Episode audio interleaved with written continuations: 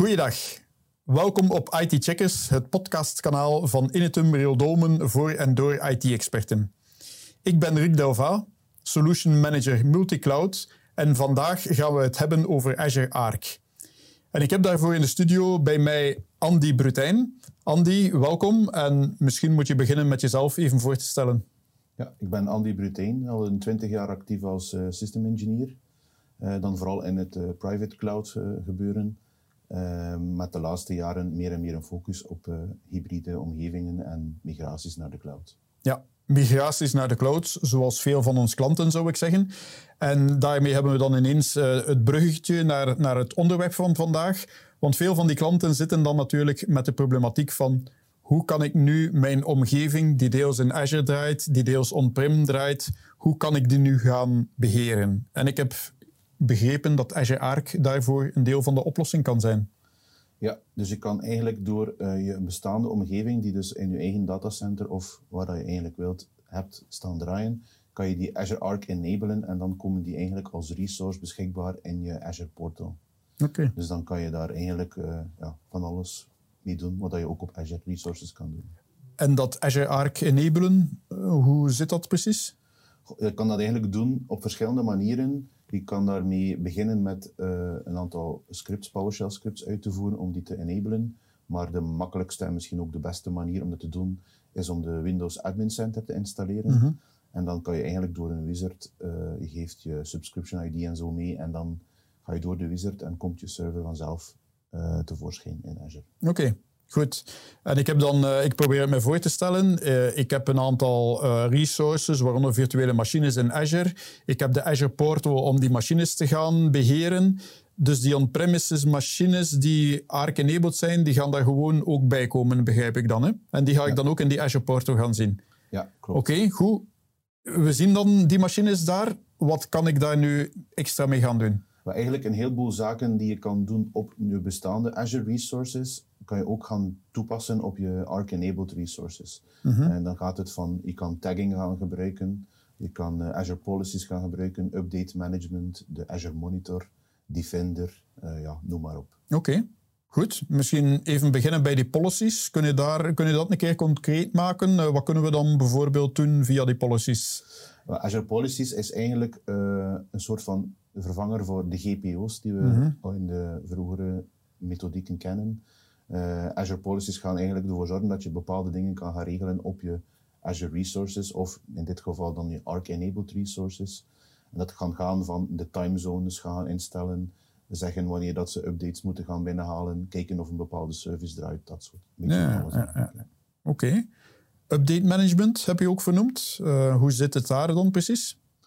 Wel, in Azure hebben ze een andere manier om updates te pushen. Um, je kan nog altijd je bestaande Wesus um, manier gebruiken, maar update management in Azure is daar eigenlijk de opvolger van. Um, en dat kan je dan ook gaan toepassen op je Arc-enabled resources. Je kan zelfs nog een stukje verder gaan. Je kan gaan naar een desired state config, waarbij je zegt van kijk, uh, servers die in deze groep staan, mm. moeten niet alleen deze updates hebben, maar moeten ook altijd een een AIS of iets dergelijks geïnstalleerd hebben. En dan kan je dat ook gescript laten installeren. Oké. Okay. En het maakt dan niet meer uit waar dat die servers staan. Die gaan allemaal dezelfde critical updates krijgen op dat moment. Ja, klopt. Oké, okay, interessant. Goed, uh, policies, uh, update management. Um, uh, hoe zit het met monitoring? Wel, je kan dus je, de Azure Monitor gaan gebruiken om je Arc-enabled resources ook te gaan monitoren. Uh -huh. um, dat gaat van, uh, we gaan kijken echt naar de metrics, dus uh, hoe gaat het met onze CPU, ons geheugen, onze disks. Maar je kan ook verder gaan, je kan echt log analytics gaan doen, je kan gaan kijken wat er allemaal in die eventlogs tevoorschijn komt. Uh -huh. En je kan daar dan ook een, derde, een derde stap eigenlijk aan de remediation gaan doen. Als een bepaald event getriggerd wordt, kan je daar dan ook acties aan vasthangen door middel dat je scripts kan laten uitvoeren of andere zaken. Oké, okay. goed. Uh, Defender heb je ook uh, vernoemd, dacht ik? Ja, dus je kan eigenlijk uh, je Defender for Cloud um, gaan gebruiken om je on-premise resources te gaan beschermen. Mm -hmm. je kan daar actief gaan kijken of er vulnerabilities of threats zijn op je on-premise servers en daar dan ook een aantal acties aan vasthangen om die te beschermen. Oké, goed. Klinkt allemaal uh, vrij interessant. Nu, ik hoor ook uh, ik hoor wat andere tooling dan hetgeen dat we misschien on-premises hebben.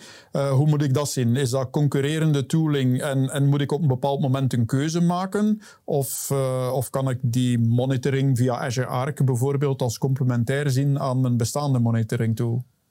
Het interessante aan een hybride omgeving is dat je eigenlijk een beetje kan kiezen wat dat je waar gaat gebruiken. Mhm. Ehm, het is zeker niet de bedoeling als je kiest voor een Arc-enabled server dat je al je bestaande resources gewoon moet buitengooien. Je kan die perfect naast elkaar gaan gebruiken. Natuurlijk is het wel zo, als je ervoor kiest om een aantal resources in Azure te gaan monitoren met Azure Monitor, dat er dan natuurlijk wel een groot voordeel kan zijn als je alles in één pane of glass gaat beheren. Ja. Door ook dat te gebruiken voor je on-prem. Maar ja, daar heb je zelf de keuze in. Ja, ja. ja. Oké, goed. Uh, we, we, we, hebben nu tot nu toe gehad over on-prem service en Azure service. Maar in een echte multi-cloud omgeving kan ik bijvoorbeeld ook nog service staan hebben in de AirCloud, het uh, datacenter of de cloud van uh, Initum Rail Dolmen, of uh, op AWS. ja, kan Azure Arc ook daar een bepaalde waarde hebben? Dat kan zeker, omdat uh, Azure Arc eigenlijk een verzameling is van agents die draait op je machine. Dus het maakt eigenlijk niet uit waar dat je machine draait. Het enige dat moet gebeuren is dat je machine moet kunnen connecteren met Azure.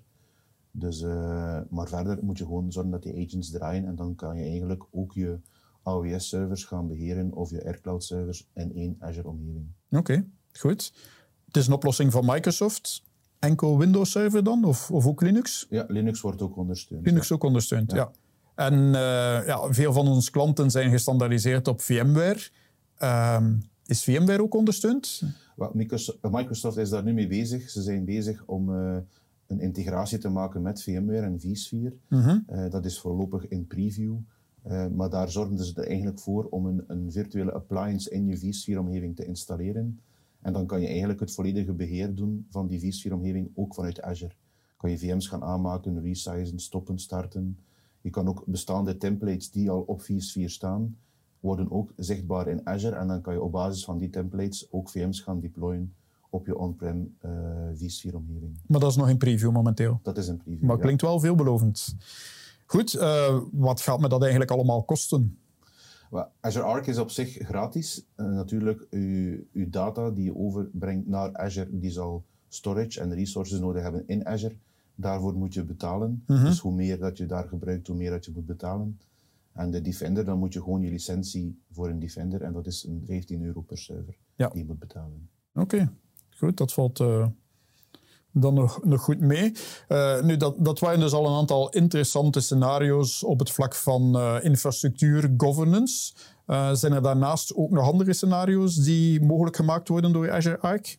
Je kan ook een, een Kubernetes cluster die on-prem draait, kan je dus ook gaan Azure Arc enablen. -huh. um, en dan heb je nog een aantal andere voordelen, zoals de integratie met PaaS. Dus je kan eigenlijk programma's gaan ontwikkelen in Azure en dan zelf gaan bepalen waar dat je je deployment naartoe doet. Dus je kan het dan deployen op je eigen Kubernetes cluster eh, bij jou in het datacenter. Uh, je kan ook gebruik maken van de Azure SQL Managed Instance, die normaal gezien nu een versieloze SQL gaat deployen in Azure. Kan je dus nu ook ervoor kiezen om die deployment te doen op je eigen uh, Kubernetes cluster. Mm Oké, goed. dat, dat klinkt allemaal zeer interessant. Maar als ik hier nu als klant mee wil starten, uh, wat kan Reeldomen dan in zo'n traject voor mij betekenen? Uh, wij organiseren eigenlijk uh, Azure Arc Discovery Workshops, mm -hmm. waarbij dat wij eigenlijk drie dagen met de, met de consultant eigenlijk bij u langskomen en een aantal topics die u wil verhelderd zien voor uw eigen omgeving. En dan gaan we daar eigenlijk een deep dive samen met de klant doen om te kijken wat dat we kunnen bieden en wat dat de mogelijkheden zijn voor hun specifiek. Oké, en dan hebben we het over die zaken als policies, update management, uh, monitoring, waar dat dan echt in de diepte ja, en, en concreet in de situatie van de klant het een en het ander kan opgezet worden. Ja, dat klopt. Goed. Oké, bedankt Andy. Ik heb in ieder geval veel bijgeleerd vandaag over de mogelijkheden van Azure Arc. En ik hoop dat dat ook het geval is voor onze luisteraars. Uh, bedankt in ieder geval voor jullie aandacht en graag tot op een volgende podcast.